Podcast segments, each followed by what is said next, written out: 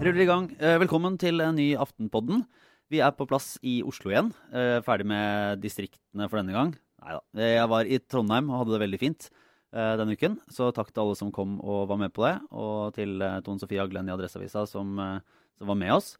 Eh, men nå er jeg tilbake i kjernetruppen. Eh, jeg er Lars Glomnes, politisk redaktør. Trine Eilertsen, god dag. God dag.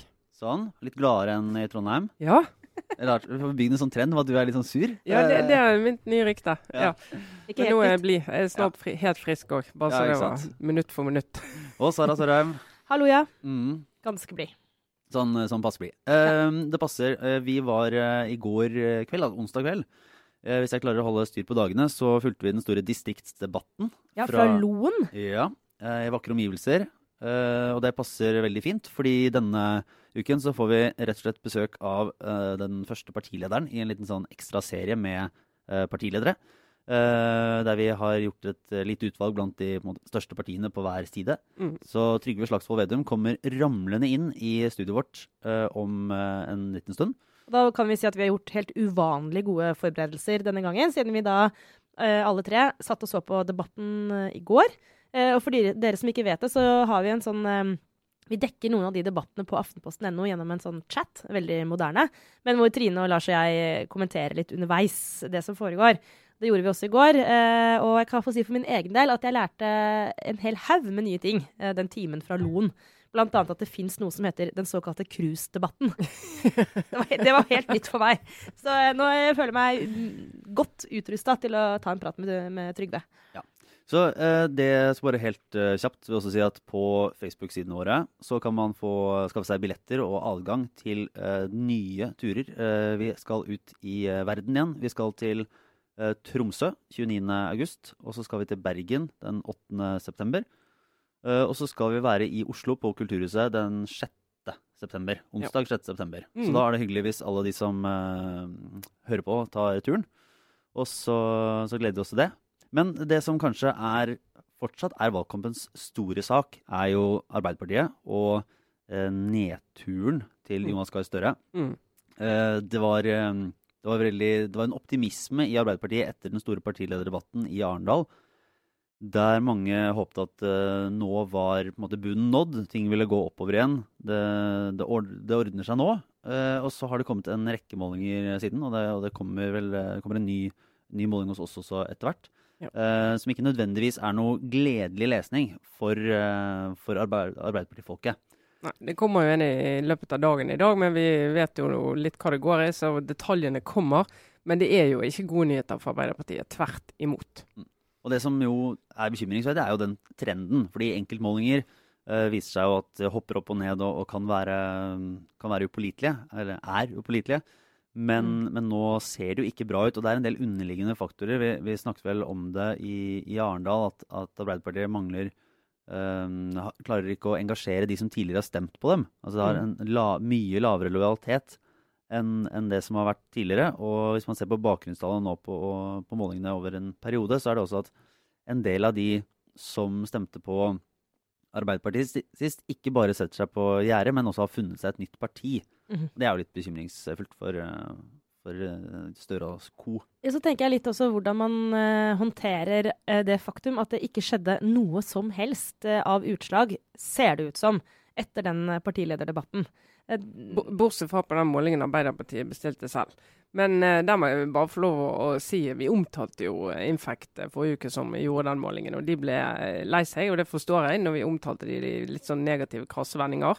Så nå vil jeg bare si at vi, det var ikke meningen å gjøre det. Så Infect er et ordentlig byrå. De jobber ordentlig. Ja, må si det. Men det, var, det er påfallende at akkurat den målingen som Arbeiderpartiet gjorde selv, og da kan jo folk ha vært i litt sånn partilederdebattrus. Eh, men etter det så har jo trenden fortsatt. Det er ingen målinger som får de opp, med unntak av den på over 30-tallet. Og 30-tallet er en magisk grense for Arbeiderpartiet. Hvis de blir liggende der og lunke, så vil alle snakke om at dette var et forferdelig dårlig valg. Eh, Jonas Gahr Støre leder partiet i den første store nasjonale valgkampen, og det, og det gikk ikke. Så det er Jeg kan ikke forstå annet enn at det er dype furer i pannen der i gården om Nei. dagen. Og det er jo eh, kan si, noe av eh, dette med partilederdebatten og, og noen det illustrerer jo kanskje litt av problemet. Hvis man ser på bakgrunnstallene for Arbeiderpartiet, så ser man at det er ganske to klare skiller da, på, på Arbeiderpartiet og Høyre. Og det er at eh, menn foretrekker Høyre, Mm. og eh, kvinner foretrekker Arbeiderpartiet. Og så ser man at unge foretrekker Arbeiderpartiet, og eldre foretrekker Høyre. Og det er en veldig, veldig tydelig markør da, som, som har, har vedvart over, over lang tid, eh, og som fortsatt er der. Det Har menn alltid, er menn alltid litt mer borgerlig anlagt enn kvinner, sånn helt generelt? Er, det- har dere det i huet, folkens? Altså, er det Jeg tror det er en trend. Ja, altså. det er litt Ja, det trend. føles at, det er en, sånn, liksom. at det er flere, altså større andel kvinnelige velgere på venstresiden. Og det er blant annet det er stor andel kvinnelige, altså kvinner som er ansatt i offentlig sektor, og det er og tilsvarende i privat, eh, på, privat sektor, industri og ja, andre steder som Uh, Du ser det jo, veldig, du ser det jo enda tydeligere du ser det jo enda tydeligere egentlig på, på Fremskrittspartiet, som har en større overvekt av menn, og, og i SV, som, som på et tidspunkt da det gikk ordentlig dårlig, så var det egentlig bare kvinner igjen. Det var jo knapt nok det var sånn, det var du, Under en 1 av norske menn på målingene Ja. de ville stemme SV. Nå er det litt jevnere, fordi de har vokst seg, vokst seg litt større igjen. Det er interessant ellers også er sånn strategisk, eh, tenker jeg, når man må ut og, med budskapet sitt eh, for eh, Støre sin del nå. Han, han, må jo, han må jo flytte noen velgere. Eh, Hvilke kanaler og hvilke muligheter har han til å treffe de folka som, som er liksom innenfor rekkevidde for han? da? mm. Eh, vi var så vidt inne på det, tror jeg, når vi var i Trondheim og snakka om det, kanskje. Eller var det på chatten i går? Dagene går i surr her. Men denne partilederdebatten, for eksempel, og de arenaene der, som eh, de legger veldig mye arbeid ned i, og som eh, vi anser for å være viktige. Men hvem er det Støre treffer i en sånn partilederdebatt? Det er jo ikke akkurat eh, Det er ikke liksom kidsa som ser på. Spørsmålet er liksom sånn Er det egentlig en arena hvor han er i stand var- til å nå ut med budskapet sitt til Det de var jo, folka? det var jo tall som, eh, nå, som, som tilsa at det var det omtrent 700 000 som så den første partilederdebatten. Ja, Kan det stemme? 770 000 var Ja. ganske mange, og, og ca. halvparten av de som står, eh, så han, var jo over 65 år. Ja, ikke sant? Og var det tall av de som var mellom 20 og 28 år, så var det 20 000. Ja, 20 000 i aldersgruppen 20 til 29. Det var Og det jo helt- er, det er jo forferdelig lavt tall på en så stor egentlig nasjonal begivenhet. Så sånne som oss regner det som. Ja, ja. Men de i den generasjonen regner det da ikke som det. Eh, så da, da må de nå de andre steder, og da eh, er det jo ut på Snap og Facebook og Instagram. da. Det ville være synd å si at Arbeiderpartiet sin strategi er veldig ungdommelig i de kanalene. Så det blir jo spennende å se om de greier å treffe, altså. Men det er klart at de skal nå de, men så jeg jeg har grublet litt på det her. Hvis jeg hadde vært Arbeiderparti-strateg, hva skal du gjøre? sant? Altså Du har sånn den store saken 'Krisen forsvant', som Arbeiderpartiet skulle løse. Og så har du løftet opp et par andre saker som åpenbart er som motstandssaker til regjeringen. Sånn uh, ulikhet, forskjeller. Drømmesak for SV. Mm. Jeg snakket med en i SV tidligere i uken som bare sa det er så bra for oss at Arbeiderpartiet bidrar til å sette søkelys på den saken her, for da vet jo vi at vi kan si ja, vi må øke barnetrygden for å øh, bøte på barnefattigdom. Mens Arbeiderpartiet må ha en veldig litt sånn omstendelig sånn Ja, nå må vi slutte med skattekutt til de rikeste fordi vi må Uh, ha mer til velferd og uh, mer til velferd så tidlig Altså det blir, så, det blir så vagt for mange. Hvis SV er mye mer sånn tydelig på det. er Sånn vi må gjøre det. Ja, det minner meg på avbryter, men det minner meg på forskjellen på å jobbe i en nisjeavis og jobbe i en breddeavis. Ja, det er jo akkurat eh, egentlig samme logikken. sant? Og, da kan, og dette er en litt sånn nisje som SV har et sterkere relativt sett eierskap til hos en del av venstresidevelgerne i Arbeiderpartiet og selvfølgelig SV. Og en del av de som eh, forsvant til Arbeiderpartiet etter 2013, når eh, alle var skuffet. Det forsvant masse SV-velgere til Arbeiderpartiet hvis du så på målingene. De sklir jo tilbake sant? Og så selvfølgelig når senter, sentralisering, eh, kommunereform, alle disse reformene blir tema, så er det Senterpartiet som kan si tusen takk for at vi får fokus på vår eh, drømmesak. Så det er virkelig, Og der lekker jo eh, Arbeiderpartiet også. sant? Og da er det litt sånn, hva sak har de igjen? Det er jammen ikke lett. altså Ingen må eh, tro at det er bare å si ja, men da legger vi oss rett inn der og treffer Høyre og de borgerlige der. Det er jo interessant å tenke på den aldersforskjellen, for man har jo sett nå på disse valgoverraskelsene, egentlig, Ja. eh, som har vært eh, rundt om i verden de siste årene. Og da har det jo ofte vært ja, På brexit og, og Trump og en del, så har man i etterkant sett den derre Ja, hvis ungdommen hadde fått velge, at det er et generasjonsspørsmål, så ville det sett helt annerledes ut. Uh, men uh, i både brexit og, og Trump-tilfellene så, så var jo ikke ungdommen så interessert i å stemme. Det var ikke, de fulgte jo rett og slett ikke opp. Så da kan man lure på om gevinsten er der for Arbeiderpartiet i å Om det er verdt å sette inn ressursene. det, eller, eller å faktisk overbevise noen av de ja, som har stemt Arbeiderpartiet i mange valg før, uh, er litt eldre, er kanskje vanskeligere å overbevise sånn sett, men som har mye kortere vei til stemmelokalet enn Mm. en de yngre. Men så så man jo i Storbritannia med, med valget og, og Corbyn-bølgen der, så var det jo plutselig sånn at, at ungdommen faktisk møtte opp og, og utgjorde en kjempestor forskjell. Men det er interessant, og nå er vi over i, i spekulasjon. Eller som om vi ikke er det. Akkurat nå. Det har vært faktaboks frem til nå. Nå slutter vi faktaboksen. Men eh, jo, jeg bare eh, antar, siden jeg, jeg har så god kontakt med ungdommen, at eh, altså, hvis man får en økt eh, overraskende høy valgdeltakelse blant eh, yngre folk, så kjenner jeg liksom på meg at da, da går de til mer eh, tydelige, altså går de til partier med tydeligere, som tydeligere utfordrer makta. Jeg tror både SV og MDG f.eks. Eh, lett ville tjene på det. Det er liksom vanskelig å se for seg at eh, hvis, eh, hvis eh, unge mennesker som er utålmodige på vegne av å ville forandre verden, går og stemmer at, liksom, at Arbeiderpartiet er liksom det mest åpenbare valget. Det er Jo, men, at men, men der er det jo Der viser jo alle tall, altså skolevalg og, um, og, og, og målinger at ungdommen Altså det er mange av de uh, fløypartiene, så å si, på ungdomsnivå som har, har tapt. da. Altså Arbeiderpartiet har, en, har en mye sterkere posisjon. Altså AUF står mye sterkere nå enn det de har gjort på, på mange år, eller i hvert fall har gjort det siste året. Jeg har, ikke, jeg har, ikke, jeg har ikke siste tall på, på det nå. Eh, der, hvor, eh, der hvor ungdommen tidligere var på, på SV og, og Frp, så, så har det liksom blitt den der generasjonen alvor da, som samler seg ja, rundt, jeg eh, rundt det ansvarlige. Det er, ikke Altså, sånn, som, det er min- ikke sånn som da du var ung. vet du, Sara. Men i min generasjon, det det som skjedde med SV eller Frp, liksom. Hvis Jo, du men- Ikke sant. Det var, alle var enten jo, altså, Da vi var unge og engasjerte, så var vi liksom på fløyene. Og så har vi alle liksom, du vet, den vanlige reisen. Så havner man et eller annet sted, da. Et eller annet lilla sted. Sklir inn mot midten. Ja, ta litt ansvar. Skjønner at man må liksom forholde seg til at Plutselig har du inntekt og lønn og ja, ja, tenk litt på eiendomsskatt og tenk litt på formuesskatt, og så havner man liksom Formuesskatt såpass. Nei, ikke helt kommet dit, da. Men, uh, men dere veit. Men, men det er mulig at denne her generasjonen alvor skal ta oss alle sammen på senga. De er jo i ferd med å rykke inn i redaksjonslokalene her, og de er i ferd med å overta arbeidslivet. De er jo rett og slett veldig ansvarlige og flinke. Eh, Så ja, vi får se. Men helt uavhengig av den gjengen, så er det sånn at de siste ukene nå Hvor lenge er det igjen, folkens? To uker? To og en halv uke. To og en halv uke. Uh, det er bratt oppoverbakke. Det hjelper heller ikke for Arbeiderpartiet at de får uh, sånne saker som vi så denne uka her, med, med en underleverandør av en kar som hadde fiksa brygga til Støre, som ikke hadde betalt alt han skulle i skatt. Var det ca. riktig oppsummert? Ja, men, men, men jeg, ja, det kan vi jo snakke om. Vi, vi, vi i Aftenposten har egentlig ikke eh, omtalt den saken. Vi har ikke hatt uh, NTB-sak på det, ikke lagd sitatsak heller. Så nå prioriterer vi knallhardt i valgkampen. Og da tenker jeg litt, litt av det vi må, For det første har vi lyst til å bruke plass på de store sakene. Så vi mener skal bety noe for folk når de skal gå til, til stemmelokalet. Og da er vurderingen at denne saken her kan ikke være avgjørende. Eh, men det er nå så. Eh, og det er en, eh, en sak der Helt sånn fascinerende, egentlig, hvor raskt Støre fikk støtte fra alt fra Erna Solberg til Kristin Skogen Lund og altså hele fjøla i går. Selvfølgelig LO. Kjetil Alstein i DN skrev en veldig vittig kommentar i dag om hvordan LO eh, grisebanket Trine Skei Grande da hun kom opp i nøyaktig samme uføre for noen år siden, og bare tilla det hennes eh, forferdelige egentlig politiske og personlige egenskaper. Mens med Støre så er det sånn Daga liten, kan jo ikke noe for deg. Men det er jo veldig, det er veldig det var- jo litt sånn i, eh, i de andre partiene da denne saken kom, så var de veldig kjappe ute med å komme egentlig komme større i forsvar.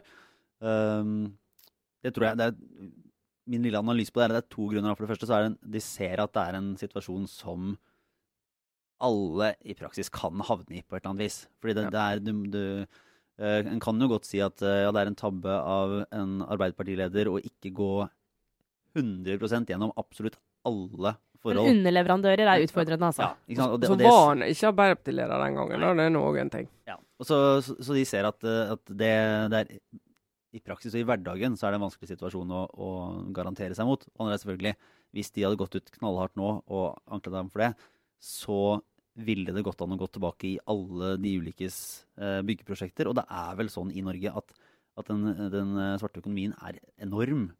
eh, Ja, altså på privat det, det er jo helt fascinerende. altså Folk jeg kjenner og omgås og faktisk kjøper svarte tjenester og bare forteller om det uten å blinke. Ja, ja, altså på, Det er på, få pusset opp ting og gjort ting i hagen og i huset. Og det er jo, det er jo direkte kriminelt. Det holder de på med. Og så skal du, men hvis du skal, gå på dette nivået og si at terskelen for å være en decent politiker skal ligge der oppe som noen legger an til at han skal gjøre nå, hvis eh, det Støre har gjort nå er et eh, grovt, grovt brudd, Mm. eh, da er det ikke mulig å være politiker. Ja, det har jo vært ja. to sånne, det har vært to sånne saker nå. Det er litt, litt vittig å se at det er denne, da, denne bryggesaken som det var Finansavisen som, for øvrig som, som hadde. Og så uten sammenligning, sammenligning for øvrig, men Torbjørn Røe Isaksen sin litt uheldige quiz-kveld. Eh, Og den eh, hvit makt-vitsen, som Mm. eh, vi heller ikke har omtalt i Aftenposten. Nei, vi hoppet Eh, over de sakene, vi. Og de, begge de to sakene litt, har vært fine. vi, går litt, vi er litt mer vi er grunnere i Aftenpodden. Vi snakker om hva det skal Vi være. snakker om alt. Ja. Ja, vi snakker om alt. Dette er en sak for Aftenposten, ikke for Aftenposten. Vi er heldigvis fritatt for uh, å forholde oss til vesentlighetskriteriet i denne podkasten. Ja. Så eh, vi må oppføre oss litt bedre når vi, når vi eh, forholder oss til Aftenposten. Hva? Men, men uansett så, eh, så er poenget at du ser at uh, på samme måte som Støre nå fikk støtte fra uh, også sine politiske motstandere, så skjedde det samme med, med Torbjørn Røe Isaksen. Jeg så Bjørgulf Brånen, for eksempel, redaktør i Klassekampen, var ute og bare Hva er det her for noe tull? Herregud, slapp av, liksom. Og, det var, og det er liksom en sånn, for så vidt en form for decency, da, som er Ja, men, men det må jeg si er litt sånn litt eh, rørende med norsk politikk. da. At du kan jo av og til bli helt gal av den konsensuspreget, og at alt havner på en eller annen måte et eller annet sted i sentrum, og vi er litt sånn enige om de store linjene. Men det der er Altså det er anstendig nivå egentlig både i pressen og blant politikere. liksom, Nei, sånn kan ikke vi bruke tid på. Det går ikke. Og så klager de masse på oss, og vi klager mye på de, men det, men det er jo sånn, nå tenker jeg, det er to og en halv uke igjen. Uh, det er veldig kort tid igjen før vi skal ha valg som skal påvirke Norge. Resultatet av det skal påvirke Norge i neste fire år, og kanskje vel så det.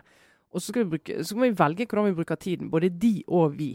Og da kan vi ikke bruke masse journalister og spalteplass på sånne saker, hvis du mener oppriktig at det er store ting folk bør ha oversikt over før de går til stemmelokalet. Og der mener jeg altså samfunnsoppdraget. Jeg vet, vår sjefredaktør sa en gang at eh, før han begynte i Aftenposten riktignok, at hver gang noen sier ordet samfunnsoppdrag, så dør det en elefant i Afrika. og det skjønner, skjønner du det.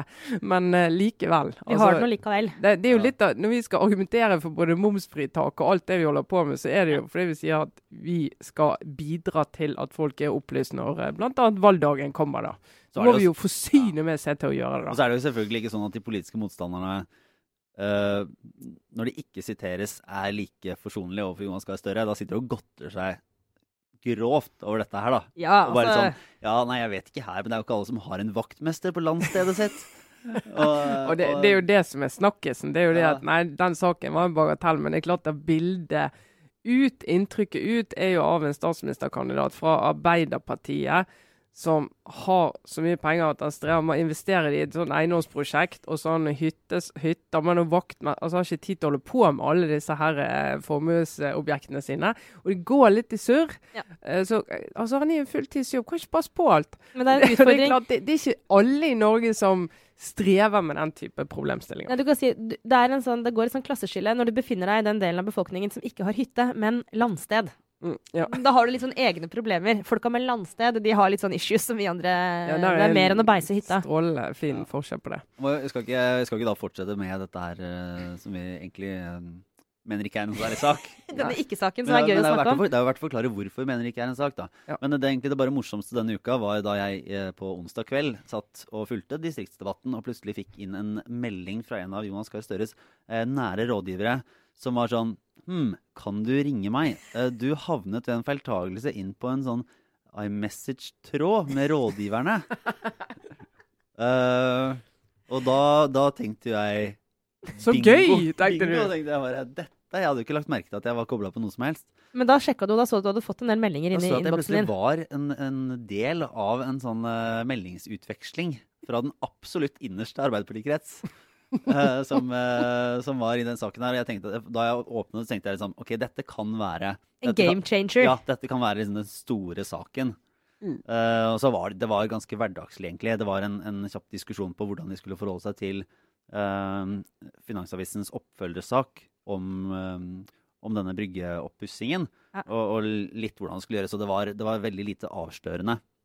Men, uh, men det, var veldig, det, var et, det var et veldig det var et, sånn, eh, et lite rush når du skjønte at det her kan det komme noe spennende. Og så antar jeg at det var helt forferdelig uh, for de rådgiverne som plutselig hadde tatt med uh, Aftenposten inn i uh, håndteringsdiskusjonen. Bare lurer på hvordan det skjer. Altså, vi har jo alle gjort det den derre forstår ikke jeg, for du kan jo sende en e-post feil. Ja. Det Men- kan jo. Men det kan være at den, altså, en tekstmelding kan også bli sendt feil hvis du begynner å skrive inn navnet. Så kommer det jo opp forslag. Så det du må bare det er mulig at noen som heter nesten det samme som deg, var ment inn i den tråden. Det var jo noen som skulle ha et lite gruppearbeid da, om hvordan, eh, hvordan dette skulle gjøres. Um, Men vi kan jo si som sånn, siden det nå altså, eh, Regel nummer én hvis du skal ha sånn eh, hemmelig spinndoktorutveksling på iMessage om strategi, så bare liksom ikke ved en feiltakelse kopiere inn en politisk journalist. Det er jo det er sånn, ja, Ikke gjør det, så har du gjort eller, mye eller, riktig. eller så vil jeg kanskje de bare gjør det. Ja. Jeg skal Vi er for åpenhet. Ja, vi kan komme med innspill underveis. Det er, eh, Det som er litt uh, alarmerende, Lars, er at du faktisk ikke oppdaget selv at du hadde fått de meldingene en gang, før du fikk beskjed om det. det Ja, altså, jeg hadde jo sett det, da, for det var jo i, i eh, SMS-innboksen min. Men jeg satt jo og fulgte distriktsdebatten med store øyne og, og enormt engasjement. Så det, det, var jo ikke så, det var ikke så rart da at jeg ikke kunne ha, ha fokus på alt mulig rart. Nei, det er sant. Vi er, vi er jo litt gira nå til eh, den store, det store oppgjøret. Nei da. Vi skal ha den fine samtalen vi skal ha med, med Trygve. Men før han kommer, er det noe annet liksom vi må Legg merke til at jeg var på fornavn. Det er jeg egentlig veldig imot. Jeg mener Vedum, selvfølgelig. Ja. Grense for uformell tone. Sjøl i Aftenpodden eh, skal vi prøve å være litt sånn Ha en viss distanse. Ja, vi må ha litt distanse. Men, eh, men, men bare nevne en liten ting, da. For i den målingen vi kommer med eh, senere, da, så ikke vi skal snakke så mye om For den er ikke offentlig ennå. Nei, den er ikke offentlig ennå. Men det er jo igjen altså forbausende, denne stabiliteten til regjeringspartiene.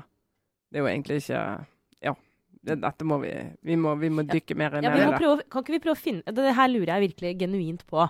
Hva, hvorfor snakker vi ikke Ikke engang vi. Altså, eh, det er akkurat som regjeringen bare er der som en sånn masse som bare liksom Bare er der helt sånn stabilt. Det er liksom ikke noe gøy å snakke om engang. Og det virker som folk bare har vent seg til Altså, det er et eller annet med at Hvorfor er det ikke noe saker, eh, noe fart rundt eh, Hvorfor er det ikke noe debatt om Solberg? Vi, jeg merker sjøl at jeg er, veldig, jeg er veldig interessert i å prøve å liksom, deschiffrere hva som skjer med som, med det som er interessant, og, og som er øh, dynamikken nå ja, Det er en viss fare for at det blir en sånn OK, Arbeiderpartiet gjør det dårlig, derfor snakker vi om at Arbeiderpartiet gjør det dårlig. Og så er- klarer vi ikke helt å gå inn i, i substansen og sakene, da, hvis en skal være litt sånn samfunnsoppdragsaktig. så kan jo det være en utfordring. For faktum er jo at det er jo en borgerlig regjering med et prosjekt fra Erna Solberg eh, som etter fire år ikke har oppnådd det hun hadde en uttalt ambisjon om å få til, Mm. nemlig å sitte i åtte år og, og måtte samle borgerlig side. Og, og på nesten altså så godt som alle målinger så har hun jo faktisk ikke flertall. Nei. Det er noen, noen innimellom som, eh, som Hvis det er en trend, så, så er det positivt for henne. Men, men ellers så er det jo virkelig få Det var noen i, noen i Høyre som sa det her i, i forrige uke til en av kollegaene. Var sånn, ja, Det er jo veldig fint da, at dere, at dere snakker så mye om uh, Arbeiderpartiet, men uh, disse målingene Vi har jo ikke Vi, vi klarer vi det jo ikke. ikke. Nei. Nei, og, det, og Venstre er jo under der. I sånn nest, nesten hele tiden under sperregrensen, med noen små dipp over, liksom. Men de er jo der. Og det er jo eh, Da er det jo kjørt. Det jeg lurte på, egentlig, eh, i forbindelse med, med den skattedebatten Arbeiderpartiet har jo fått en del tyn for å ja, egentlig for å på en måte gå til valg på skatteøkninger. Ja, og det er også den forklaringen som egentlig den mest plausible forklaringen, uh, i tillegg til at det ikke lenger er noe krisestemning, er jo at det er en dårlig sak for dem. At det forklarer mye av den manglende Altså at, at de gjør det dårlig. At det er, det er rett og slett bare veldig krevende å gå til valg på økte skatter. Det har det alltid vært, og det, det er det også denne gangen. Og så har de jo ikke, men, men nå Høyre har jo, de går jo til valg på skattelettelser som de ikke vil si uh, omfanget av. Mm. Uh, Fremskrittspartiet går, måte, har, har programfesta og løftefesta omtrent 60 milliarder, som er betydelig. betydelig. I skattelettelser. Ja, også som, eh, som, som er dramatisk. Eh, Høyre sier moderate skattelettelser. Mm. Er det, og det Burde man være like hard på Høyre for å være tydelig om sine skatteletteløfter som man har vært på Arbeiderpartiet for å høre hvor mye de vil øke skattene, eller er det to forskjellige ting? Ja, altså jeg mener jo det er to forskjellige ting. På den måten at eh, hvis du skal gå til valg på f.eks. si at Høyre hadde sagt at vi skal kutte skattene med 30 milliarder kroner, og vi mener vi kan gjøre det der og der og der, så, får, så skjer noe med økonomien. Oljeprisen faller igjen. altså Det er et eller annet som skjer med økonomien. Så vi får en stor flyktningstrøm. altså du, Det er liksom noe som gjør at du får uventede store utgifter på statsbudsjettet. Eh, og så sier du ja, men vi, vi har lovet dette. Så det er vi nødt til å holde. Altså, du, fratar deg sjøl et handlingsrom på en måte som er helt livsfarlig. Så da er det, kan du heller være litt sånn uh, wishy-washy og si vi skal ha moderate skatteletter når, hvis og når det er rom for det. Det eneste sånn konkrete de sa før, var jo at vi skal vekk formuesskatten. Det kunne du tallfeste sånn noenlunde. Altså den ene der skal vi ha vekk, og så skulle de ha vekk arveavgiftene. Tok de jo vekk. Men liksom alt sånn annet er jo sånn Kommer litt an på situasjonen, ikke sant. Uh, og trenger du penger, så må du kunne skru opp momsen litt. Eller, altså, du må liksom ha det spillerommet. Hvis du låser deg til en sånn sum, veldig farlig. Men når du skal gå, skal gå og si hvor mye du skal øke det med, så er jo utfordringen at du må prøve å si hva du skal bruke det til. Og da må du ha en tanke om tre milliarder der, fem milliarder der. altså Litt sånn som Oslo, Arbeiderpartiet gjorde i Oslo og sier vi skal øke skatten når vi skal gå til barnehage og eldreomsorg. Mm. Og det er særlig der, det er rundt eiendomsskatten. Der skal vi ha eiendomsskatten. Ja. Og da har du ned velgere og sier jo, men det, det, henger på greip. Det henger på greip. Men det på skattelettelsene så er jo det en sånn Hva handlingsrom har du? Og hva bruker du det til? Og det, ja, det slipper de likevel. Arbeiderpartiet har jo sagt at de, ja, det er maks 15 milliarder. Og sånn Mm. sett så har de jo fratatt seg selv handlingsrom i det at de sier at, de, at det, ville være, det ville være et alvorlig løftebrudd sånn som det er bygd opp nå, hvis de skulle finne behov for å øke skattene Mer. mer. Ja, og de var jo låst altså etter valget i 2005, da de sa at de skulle beholde nivået eh, fra, fra tidligere. altså. Mm. At, så, sa de jo, så ble de jo låst til det, og kunne ikke Så kan du si at du øker sant? Hva er skatt, hva er avgift, hva er totalen? Altså du kan liksom Du kan flytte på ting. Men det, men det er jo litt sånn Arbeiderpartiet òg er jo sånn at vi skal ikke nødvendigvis Det er ikke noe mål for de å øke skattene mer enn nødvendig, men de kan flytte på en skatt og si vi tar ned der, og så tar vi opp der. Eh, og så får de jo sikkert kjeft for det òg, men, det, men det, det rommet vil de ha, da. Og 15 milliarder er egentlig ikke så mye i denne sammenhengen. Det er helt sykt å ganske si det. Ja, men, eh, ja, nettopp. Men slipper vi likevel Altså slipper Høyre likevel for billig unna? Burde vi, som du spurte om, Lars, altså, burde vi, burde vi mener jeg pressen, vært liksom tynt dem mer, eller er det liksom greit å Ja, altså Vi kan jo stå og si det, og mase på de om det. Men det, det er litt sånn som vi maser på sånn eh, Hvem skal du samarbeide i regjering, og hvorfor sier du det ikke? Så kan vi stille det spørsmålet 20-30 ganger og få det samme svaret, og få frem at det henger i luften. Ja. Men du får ikke noe svar. Ja, jeg får se. Men nå tenker jeg, nå er vel Trygve Slagsvold Vedum på vei inn her, så da bare slipper vi eh, Senterpartiets leder inn i lokalet. Mm. Så rett og slett velkommen, Trygve Slagsvold Vedum. Ja, veldig hyggelig å være her. Ja, det er, Det er eh, sånn, eh, nesten litt, litt sånn fri, føler jeg nå. For nå kan jeg ikke ta telefonen og ja, sitte her og tenke litt høyt. Gjemt oss her inne. Det er veldig viktig at det, at det ikke oppfattes som, eh, som en sånn eh, veldig eh, utrygg plass. Dette er et, Nei. Dette er et hyggelig lite Ja, Nå, hjørne. men nå, nå, nå føler jeg meg så naivt trygg. Ja, Ja, ja. Du har et sånt lurespørsmål, Ja. så kan det bare plutselig så bare kommer det egentlig av den Ja, gutta. Så sagt det da, så bare Nå har vi låst den døra der, og nå skal du høre her. Nei, men eh, Velkommen. Du var jo i, eh, du var jo i Loen på den store distriktsdebatten. Eh, nei. Nei, nei, nei. Men jeg tror det er ganske reint. Jeg tror du kan drikke det helt trygt. Er- Det betyr ingenting. nei. Det. Jeg er ikke, jeg er ikke så forberedt. Vi har ikke lina opp det. vet du. Det er, eh, det er nedpå her. Ja. Men nei, men du kom jo fra, fra den store, store distriktsdebatten som vi alle så i, i går. Ja. Mm. Dere fulgte med hele gjengen? ja, ja. Absolutt. Altså, Hvordan- vi snakker, bare for å si det, eh, for det første ganske bra voksenopplæring av enkelte her i Aftenpåden-redaksjonen. Ja. som ikke har vært så kanskje veldig til stede i distriktsdebattene før. Det er litt forskjell på engasjementet her sånn i utgangspunktet. Ja. Eh, og så dekka vi det for Aftenposten. Vi hadde en liten sånn chatrunde. Ja. Ja. da, så vi har gjort det. leksa vår, eh, rett og slett, før Ja. vi skulle ha dette alvorlige møtet det var det var et av, et, sånn valg, et av valgkampens høydepunkt var det du måtte debattere med hun ulvemammaen fra Langedrag. Ja, men det er det som er så fint i valgkamp, egentlig.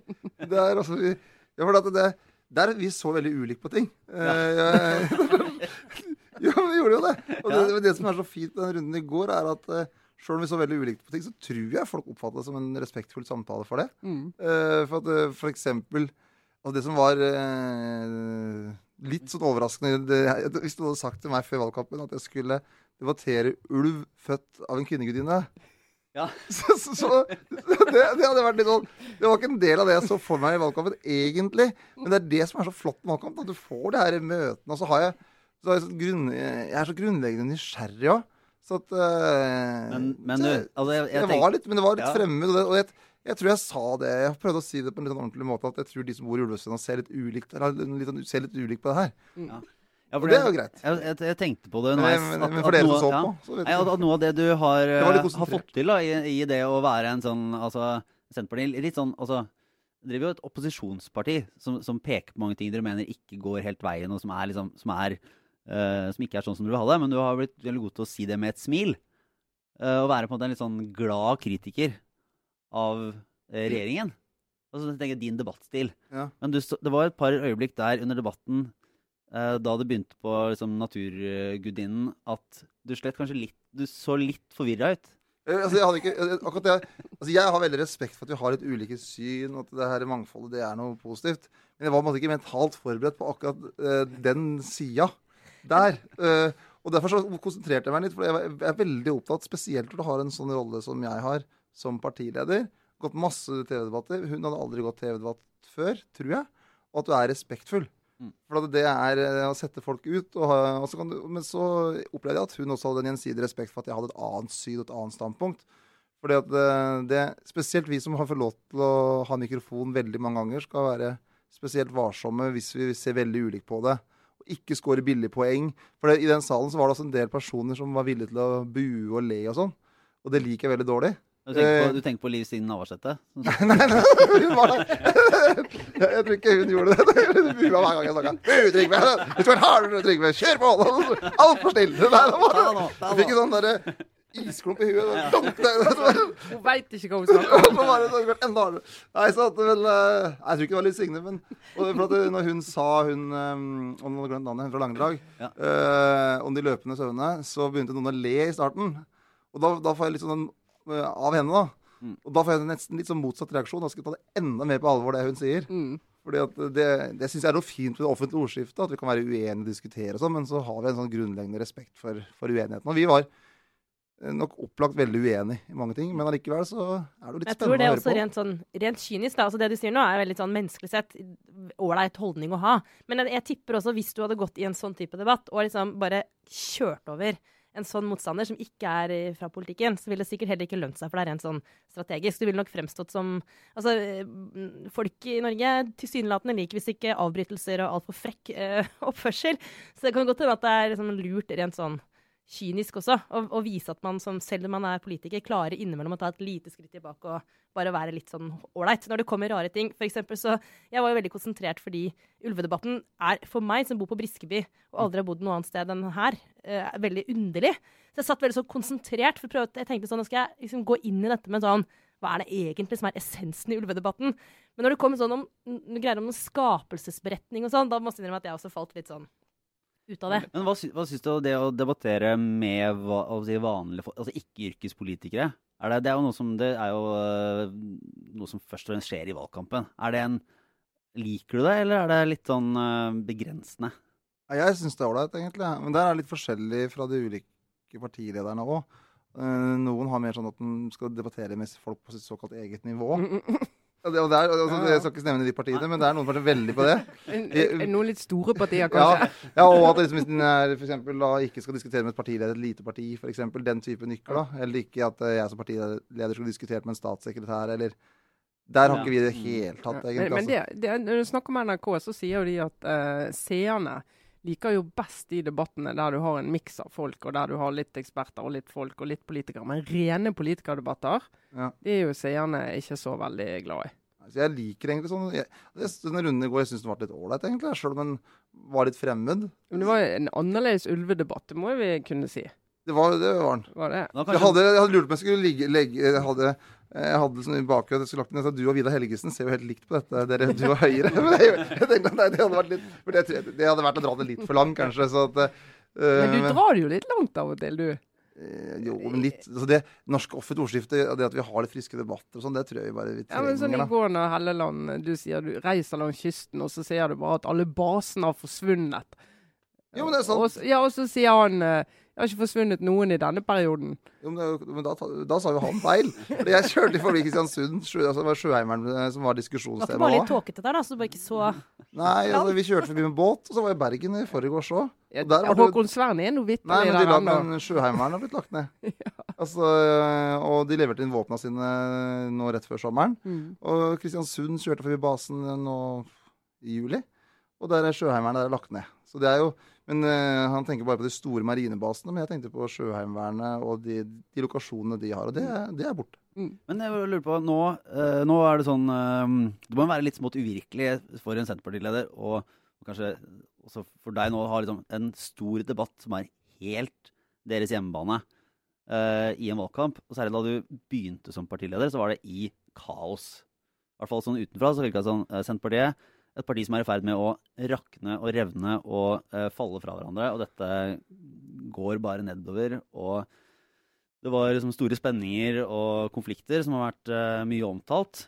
Uh, så egentlig bare første du kunne si litt om bare hvordan er det du kom deg gjennom den situasjonen og den konflikten som var, og de spenningene som var mellom ulike grupperinger og, og, og mellom Liv Signe Navarsete og Ola Borten Moe uten å få noen fiender.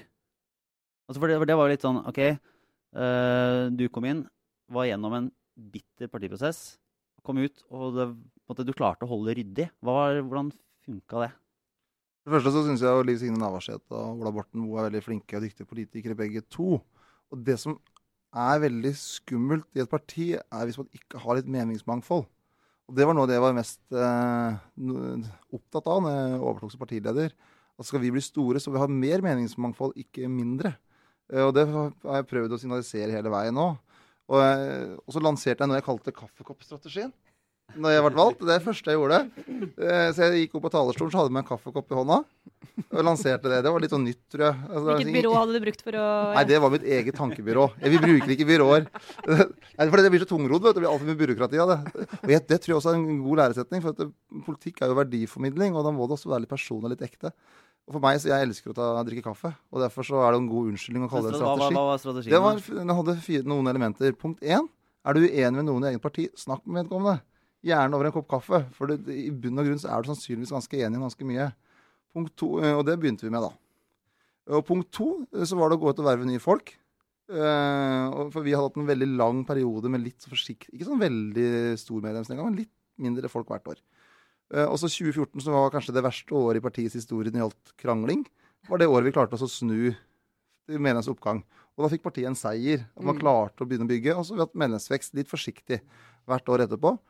eh, Og kommer til å få det i år også. Eh, Og så neste punktet er når du får nye medlemmer, så får du nye ideer.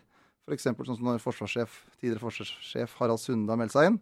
Så klart så får vi enda mer kunnskap om de, de ulike basene og, og dybdekunnskap og får nye ideer.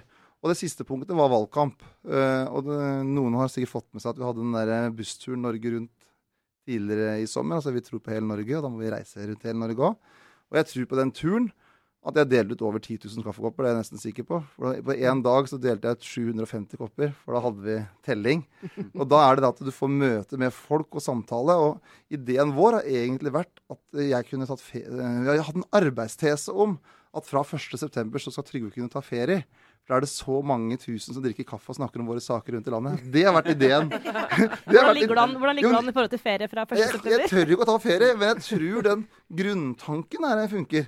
At det er veldig mange nå som er ute og drikker kaffe og snakker om våre saker og våre verdier og våre ideer. Så det har vi, vi har hatt det som en sånn arbeidsmål eh, fra jeg overtok. egentlig. Litt, jeg hadde, Men- en sånn- hadde en sånn tanke. For sånn Arbeiderpartiet og Høyre er jo helt utenkelig å jobbe så enkelt og uten rådgiver og eksterne byråer. Altså, jeg tenker på den tiden vi er i nå. Jeg tror det er noe folk er mer opptatt av. At liksom det er et poeng i seg sjøl for de å vite at men dette har tenkt ut sjøl, har ikke brukt byrå. ikke... Altså, det, er, det er litt sånn altså, Man må være det man er òg, da. Hvis man får, øh, er heldig og får lederansvar, så må man jo være det man er og ha noen sånne grunntanker.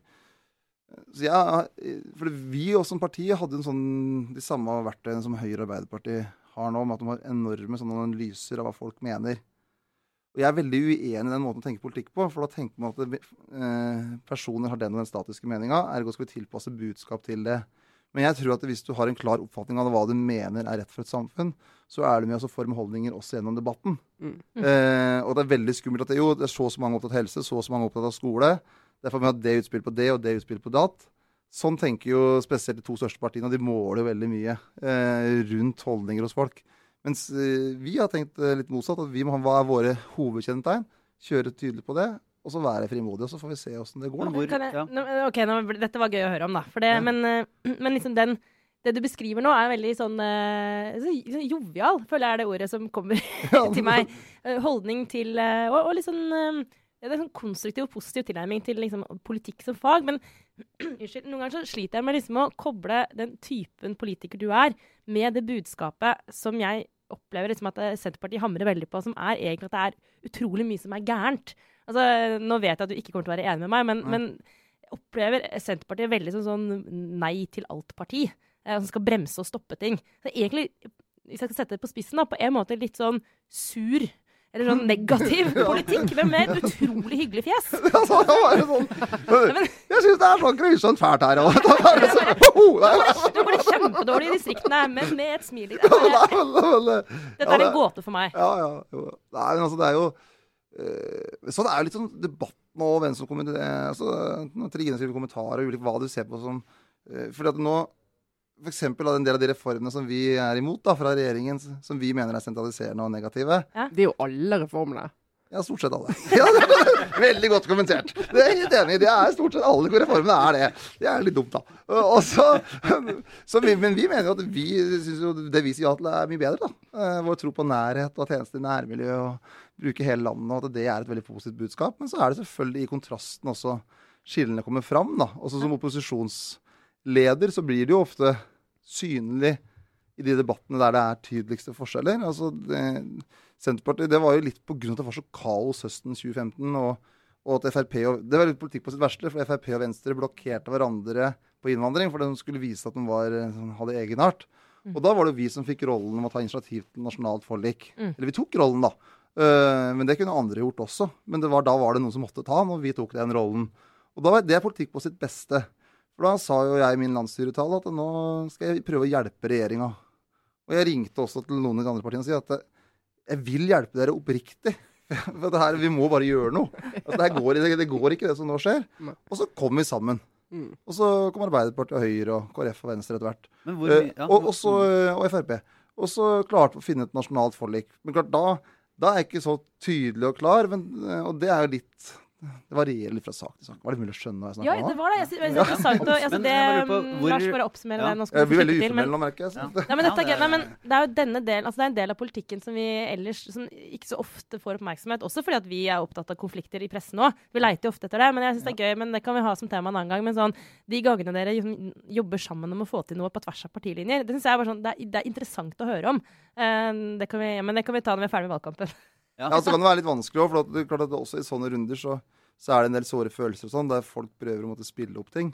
Men der tror jeg i hvert fall øh, de fleste av de som hadde lederansvar i partiene, tenkte at nå må vi bare, bare få det til. Få gjort jobben, ja. Ja, Mm. og det klarte vi òg. Og det, det er fint i det norske tillitssamfunnet. Litt samme som jeg snakka om på den debatten i stad. Mm. At man selv om man er uenig, så skal man prøve å ha en respektfull tone. Og klart sånn som Siv Jensen og jeg som er uenige veldig mye. Eh, når vi treffer hverandre, så er jeg alltid opptatt av at hun har hatt det bra og sover det godt. Og hun erter meg litt for at jeg har fått for stor mage og sånn. det kan jeg si. Jeg kan aldri si det til en dame, men hun kan si det til Det meg. er, u- men det er sleipt, for det er helt umulig for deg å gjenta den joken. Ja, så dere sier at 'nå har du fått håndtak, Trygve'. Hva jeg sier hele tida sånn. Fy, sier du, sier han, og så bare- og så har jeg sagt at jeg skal ha litt mindre håndtak til jul, da. Vi får se.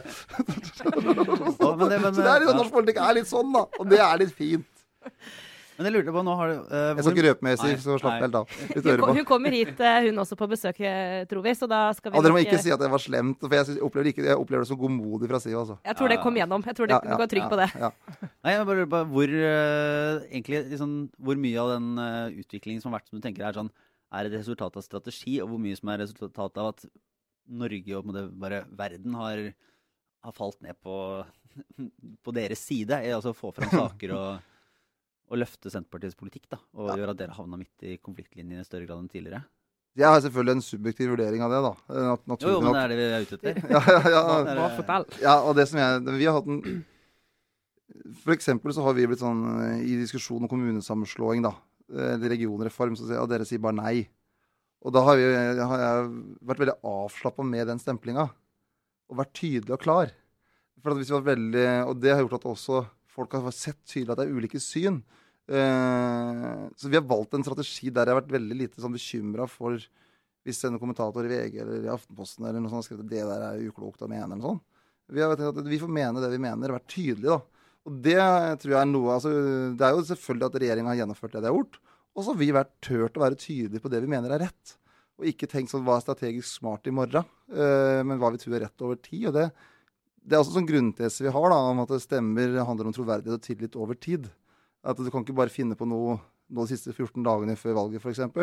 Så tror jeg det er tillitsnedbyggende istedenfor tillitsoppbyggende. Har, men jeg har hatt en tanke om at vi skal være tydelige på standpunktene våre.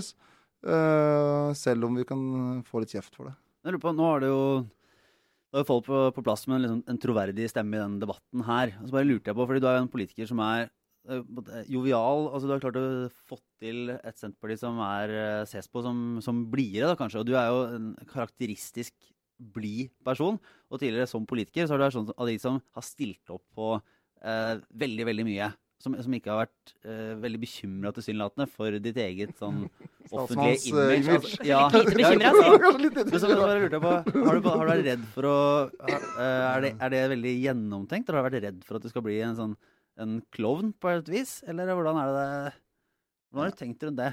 Eh, Ja, det, nei, det som jeg har tenkt, men det jeg har vært veldig opptatt av, som jeg håper du ikke finner noe særlig eksempler på, er at jeg har en sånn stygge person Det jeg er veldig opptatt av, det er å omtale folk med respekt på, på, på personnivå. Og det tror jeg var noe av grunnen for at jeg, i den partilederstriden nå, at jeg klarte å være å såre noen. For jeg er veldig opptatt av den her kraften i media. Jeg syns en del undervurderer hvor sterkt det er å få kritikk av seg sjøl som person i media. Eh, For det er mora som leser det, er dattera, det er ektefellen. Det er ganske voldsomt. Så jeg har hatt en sånn grunntese at jeg kan være med på en mye sånn At jeg dansa f.eks. fra Nationaltheatret til Stortinget Mm. med ørepropp i øret, så ingen skulle si at det var musikk. Det var jo det var Har du torsdag kveld gjort fra det? Ja, ja. Det har, det har jeg klart å unngå å få med meg. ja, det var torsdag kveld fra Nydalen. Var det det? Oh. Ja, så det var selvfølgelig en sånn eh, sosial prøve for meg. jeg føler er litt dum. Men, men eh, jeg har litt, eh, bitte litt rytme, da, så, så de hjalp meg litt, der eh, koreografene. Så det så ganske greit ut på TV. Men, eh, men jeg har sånn grunntese i hvert fall om å være ordentlig og skikkelig og omtale folk ordentlig. Eh, og det tror jeg har hjulpet meg, da. Så, men så når det gjelder sånne selvhøytidelige ting, så har jeg, hatt ganske lav terskel på å være med på ting som kan Men Eh, så, så jeg, ikke så, jeg er ikke så veldig uh, redd for det. Men det jeg er redd for, er, uh, er eh, det jeg kaller sånn, sånn spill, dårlige ord. Også bakgrunnssamtaler med journalister. Prøver å være veldig bevisst på det. Altså for at du, jeg syns det er litt for mye sånn negativ eh, spinn også rundt folk. Og det tror jeg, det tror jeg gjør deg sjøl også mye mer sårbar over tid. For alle er vi jo svake mennesker, så det, det, det er veldig fristende å baksnakke og sånn. Altså og ikke minst i det politiske miljøet så er det veldig fristende.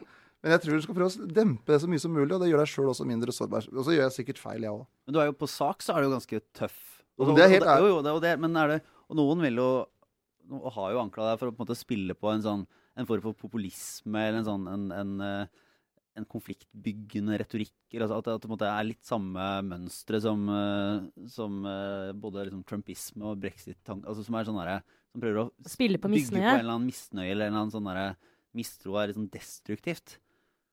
Og jeg antar at du ikke er enig i det, da, men hva, hva, den, du har jo valgt en linje som er ganske hard på, Jo, men det mener jeg at på det- sak. Jo, men det mener jeg helt eh, Altså at personer i et politisk ordskifte eksempel, er hard mot Når jeg var landbruksminister, da, for eksempel, så forbedra vi tollvernet, som ble kalt ostetoll, som mange husker. Mm. Da fikk jeg jo utrolig mye harde ord eh, rundt den. Eh, og Høyre og Frp hadde en sånn dommedagsprofeti hva som kom til å skje pga. den. Nå lever de på den sjøl, da. Men det må du tåle, da, mener jeg, i en, hvis du er statsråd, og det er en politisk sak. Eh, så når jeg var statsråd, så fikk jeg mye kritikk, og det var mye styr rundt det. Nå tenker jeg ikke på de Ja, som ikke jeg- utsatt for det. Da tenker jeg liksom på den derre Jo, så mener jeg altså, jeg, også, også jeg har vært selvfølgelig hard mot eh, standpunktene til Jan Tore Sanner. eh, for jeg er uenig i standpunktene hans.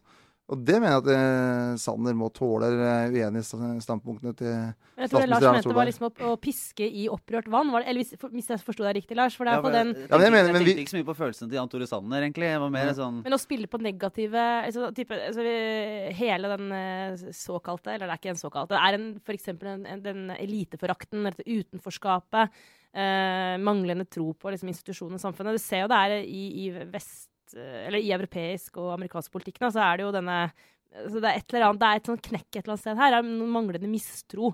eh, Ja, men, det, så, så er det, men, da, men da må Vi er bekymra for en del av de reformene som nå skjer, at de kommer til å øke den mistroen og ikke gjøre det motsatte. Og da må vi være tydelige på det. For at vi, blant annet den rovdyrdebatten handler jo egentlig veldig mye om eh, at de som blir berørt av rovdyr, de har veldig lite makt. Mm. Eh, over rovdyrpolitikken. Liksom bor i den såkalte ulvesona. De har nesten ikke makt i ulvepolitikken i det hele tatt. Mens de som har makt, de bor ikke og blir ikke berørt av politikken. Og da blir det et veldig sånn sinne, da. Og det var det du opplevde i vinter. En, folk følte seg umyndiggjort. Og derfor så ble det så mange som kom til Oslo. For det var ikke Mm. pga. antall hunder eller antall sau. Så det er, vel, det er vel noen av dine kritikere ville sagt sånn Du pisker i opprørt uh, farvann. Så, så er ditt svar egentlig at nei, jeg, dette, er, dette er faktisk våre saker. Ja, det er reelle konflikter. Ja. Og alle som har makt, uh, om du er partileder eller om det er en avisredaksjon, må jo tenke hvem er det, hvor er det de egentlige maktstrukturene er. Og jeg er jo en stortingsrepresentant og skal representere de som har stemt meg inn. Og jeg skal aldri bli representant for det systemet, eh, om jeg er i regjering eller om jeg er på Stortinget. Jeg skal representere de som har stemt meg inn i det systemet. Og da må jeg få fram de, de røstene. Og det er jo en del av eh, folkestyret og meningsbrytinga. Mm. Og så eh, prøver jeg det jeg kan når det gjelder konflikter mellom mennesker, og dempe dem ned. Men altså være kritisk til maktstrukturer, det vil jeg alltid være.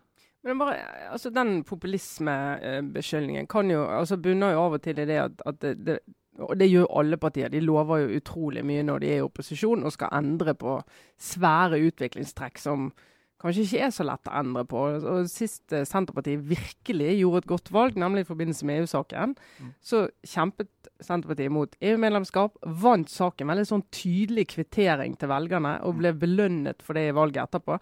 Og så gikk det litt ned igjen. Hvis dere nå kommer i regjering, og så i hvert fall går det an å argumentere for at dere har på en måte lovet at nå skal vi stoppe sentraliseringstendensene. Si indikatorer fra altså flytting til de store byene, fra mindre kommuner. Eh, antall gårdsbruk skal slutte å falle. Og så skal liksom få en del sånne ting skal snu. Og så husker i hvert fall jeg når jeg var på Vestlandet under den rød-grønne regjeringen, så var det litt sånn Ikke engang når Senterpartiet i regjering greier vi å få skikkelig utflytting av statlige arbeidsplasser. Greier vi å få liksom snudd på de her tendensene. Frykter du at altså etter en stund i regjering så møter alle disse realitetene deg, så blir det sånn Ja, men Trygve, du sa jo at dette skulle du endre på. Jeg håper jo at øh, hvis vi får regjeringsmakt, at, øh, at jeg kommer til å få mye folk som har høye forventninger. For det er derfor vi skal ha altså, Regjeringsmakt er jo ikke et mål i seg sjøl, det er bare et middel. Uh, og klart at når det gjelder uh, veksten i 93, så var det mer én sak. Altså, det var EU-saken, og så ble Senterpartiet et godt verktøy for å få det til. Og så når den jobben var gjort, så roa ting seg ned. Mens nå er det mye bredere spekter av saker. Altså, en av de tingene som vi har opplevd veldig kraftfullt det siste året, er jo hvor mange tunge eh, forsvarsfolk som har kommet til oss. Klart de har forventninger. Fra hæren, da. med. Ja, det er Hæren. Hæren Heimevernet. Ja, altså det er, det er mest de grønne. Det er det mest grønnkledde som har kommet, ja.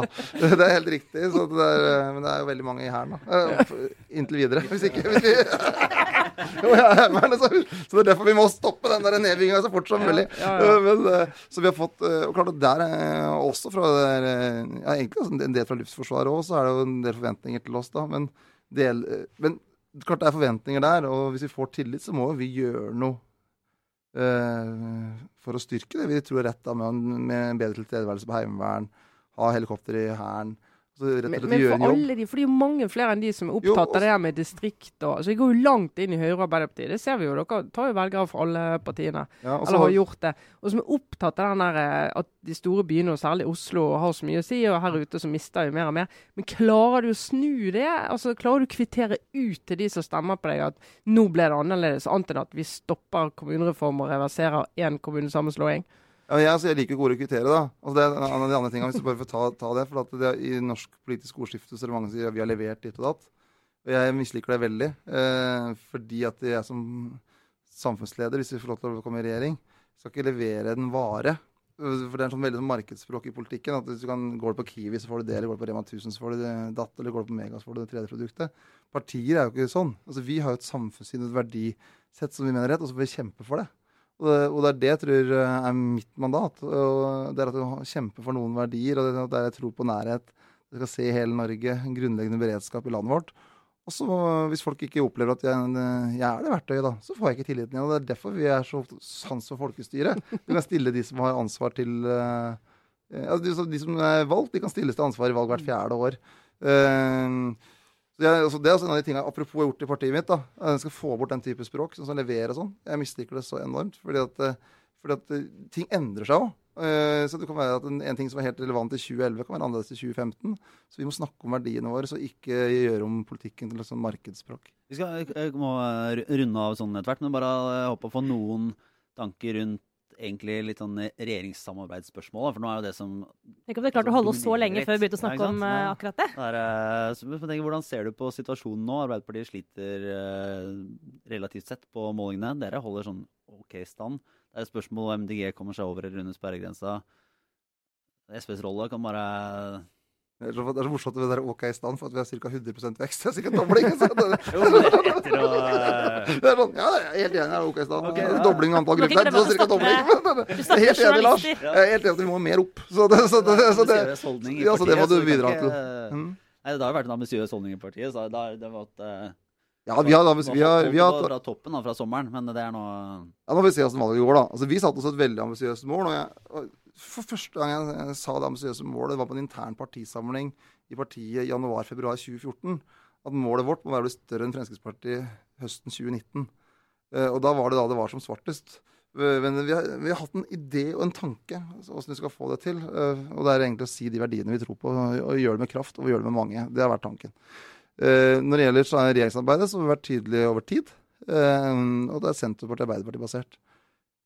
Det er det vi ønsker. Hvem er det du ikke vil ha med helst, hvis du kan slippe?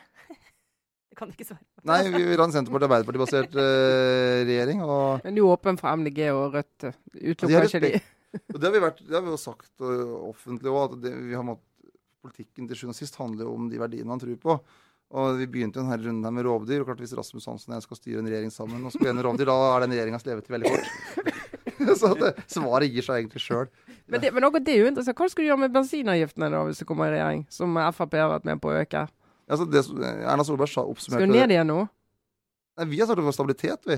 Ja. Uh, vi var mot den økninga som skjedde eh, før, før jul. Og Erna Solberg sa jo sjøl at uh, Høyre-Frp-regjeringa økte avgiftene mer på ett år enn i åtte rød-grønne år. Mm. Og det sier forskjellen. Uh, vi kommer ikke til å love gull og grønne skoler eller avgifter. Men vi vil ikke at de skal gå opp, for at de har en veldig De har ikke en fordelende effekt. Avgifter må alle betale like mye om du er millionær eller om du er eh, vanlig lønnsmottaker som får 350 000 i lønn. Derfor så er vi bekymra for når det er eh, veldig villig til å ta inn mer på avgift og mindre på skatt. Kan jeg spørre om noe helt annet? Er det ikke på tide med en liten OR, Lars? Jo. Jo, fordi det er bare så det, ja, altså, Dette her er internt stammespråk her i også, Aftenpodden. sånn Ja, Noen ganger så- blir jeg erta for jeg ikke får med alle sånne nye begrep. Nei, dette er kan det- du ta det- Er det så alle vet begrepet? Nei, vi har stjålet det fra KrF. Obligatorisk refleksjon.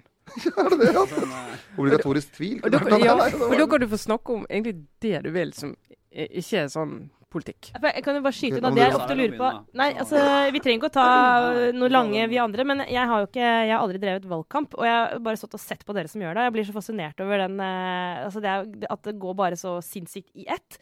Og så virker det jo, når vi møter dere, som er pressefolk, så er dere alltid helt sånn skrudd på. Men jeg antar at du på et eller annet tidspunkt nå i løpet av disse dagene Noen ganger må du gjøre noe annet enn å drive valgkamp. Tror jeg. Kanskje svaret er nei. Men liksom, hvis du skulle gjort Og det er ofte våre sånne, denne såkalte OR-spalten vår. Egentlig en unnskyldning for å snakke om ting som er sånn helt off topic. Bare ting vi syns er gøy. Ting vi har sett på TV. Sara snakker om TV-serier, Ja. for eksempel. Ja. Hva, hva, så hvis liksom, har du noe annet inni hodet ditt for tiden enn eh, valgkamp? Er det plass til noe mer? Hva er det i så fall? Ja, ja, eh, det jeg har vært mest nervøs for denne uka her, det var eh, skolestart i Og du er der! jenta mi. Var du med? Du var med? Ja, ja. Ja.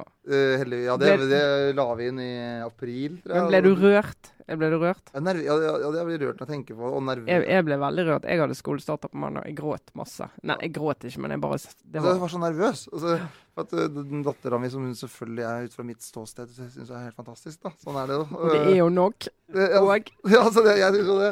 Eh, hun, hadde ikke, hun hadde gått i en barnehage som ikke var uh, tilhørte den skolekretsen. En privat barnehage. som vi for øvrig syns er en del av mangfoldet. så bare for å sagt det. Der hadde du øvd. ja, så det, eh, og da, da, så Derfor så kjente ikke hun så mange i, eh, i klassa si. da. Så det var litt sånn skummelt, men det gikk så bra.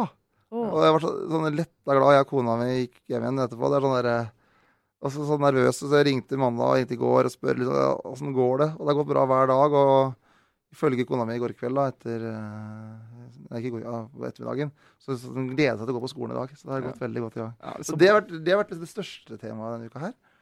Og så, så uh, prøver jeg å snike meg til en båttur, var på søndag så var jeg ute og kjørte båt. Oh, ja. En gammel båt. er ikke du fra Innlandet? Hva jo, båt er du kjører? På Mjøsa, ja. Ja, Nettopp. ja. Ja. Så da var jeg ute en liten tur, Ja, og så eh, litt sånne ting. Jeg har møtt folk fra Innlandet som ikke kan ro. Nei, men det kan jeg, da. Ja, Jeg og padle, padle og Så at, men, eh, men eh, eh, Nei da. Og så driver jeg en gård, så driver jeg ordner litt der. Så at, i valgkampen også, etter Arendalsuka, så hadde jeg enormt behov for å jorde meg. Så da gikk jeg eller, gikk jeg i jorda og så etter noe som kaltes floghavre. Det er, jeg gikk på Det er det mest Senterpartiet Det er fantastisk. Altså. Hvis du, hvis, du, det, det er sånn, hvis, du er litt, hvis du er litt stressa og er litt sånn urolig, så er det altså gå lange sånne eh, roder, altså lange altså etter, Roder vet jeg hva er. Det er Lang- de der gangene, liksom. Ja, så du går sånn, da, Ja. altså, i traktorsporet, da, kan si, og så du bare går fram og tilbake. Og det, kornåkeren er rundt deg, og du ser da etter en sånn, et visst type ugress da, som kalles floghavre. Det er jording, altså. Det er veldig, altså det å gå, gå i åker altså Det må spørre bonden først, da. For det er veldig ufint hvis du gjør det hvis du ikke spør. Men det å gå bare åker og så bare det er, det er sjelefred og meditasjon for min del. Da. Sara, det er det gjennom for deg. Det er jeg helt sikker på. Gå i åker. Nei, nei, nå er jeg helt fascinert med uten mobil. Altså, jeg skulle gått i en åker og sjekka mail, liksom. Men Nei, altså, det må, ja, det må ikke bare gå fram og tilbake og bare kjenne men det, Det som er så fint, er å kjenne kontakten med natur, da. Altså, det gir meg jording, da. nå kjenner jeg at vi har en Senterpartimann i studio. Ja. Ja, dette, men prøv, så prøv det en gang. Ja, prøv det. Det er, du kan bli med, så kan du tenke at det rundt deg så her, kommer, her vokser det Ikke bokstavelig talt brød, da. Men, men, men, men, men, men, men, men 50 000 brød. Nei, ja, ja, det var det der Det var Ikea-saken. Men eh, altså på, det, på det jordet der, da, som er på ca. 130 mål, så er det ca. 130 000 brød. Da. Men Hvis hva, hvis det går virkelig dårlig, da, hvis, det, altså, hvis du bare, og du bare må ut av politikken og finne noe annet å gjøre, Ja. så har du en forretningsside der. Inviter sånne kultur... Sånne Ja, eh, og byfolk, og så lager du sånn spa-aktig Spa, men hele poenget er bare å komme ut og så jord, jording, heter det. Joring, Kom også, på jording. ja, så er jeg så glad i dikt òg, vet du. Så da kan jeg lese litt dikt, og så har jeg en, og så har jeg en gammel da må du ha tarmskylling til. Nei, Det er ikke grei. Det er ikke- ikke en del av greia. Og så kan jeg bake litt brød. Jeg har en gammel sånn bakerovn som baker litt brød. Og så kan jeg du, her hører jeg altså her, Dette er snart en artikkel i D2. Bare plutselig så har du blitt, eh, så har du blitt den nye Han spa-guruen. pleide å være partileder i Senterpartiet. Så ble han spabonde. Men nabo, nabogården min, faktisk, de driver sånn eh, alt litt alternativt med sånn livsvisdom. Dette Nei, nå- følte jeg var ja. mer enn nok eh, Nå fikk jeg, dette, nå fikk jeg bilder i hodet som var eh, Jeg fikk en forretningsidé, eh, rett og slett. Jeg tror, men Da kan vi og slett bare slippe dere ut, altså, det ut av studio, Trygve. For vi skal møte litt andre folk nede i kjelleren her. Og så eh, takker vi for oss for denne gang i Aftenpodden. Minner om uh, livesendinger i Tromsø på tirsdag og uh, Bergen 8. september. Vi skal ut i distriktene, og skjønner du. i Oslo 6. september. Rett og slett. Vi. Så får du ha lykke til videre i valgkampen, Trygve. Oppføre deg ordentlig. Takk for det.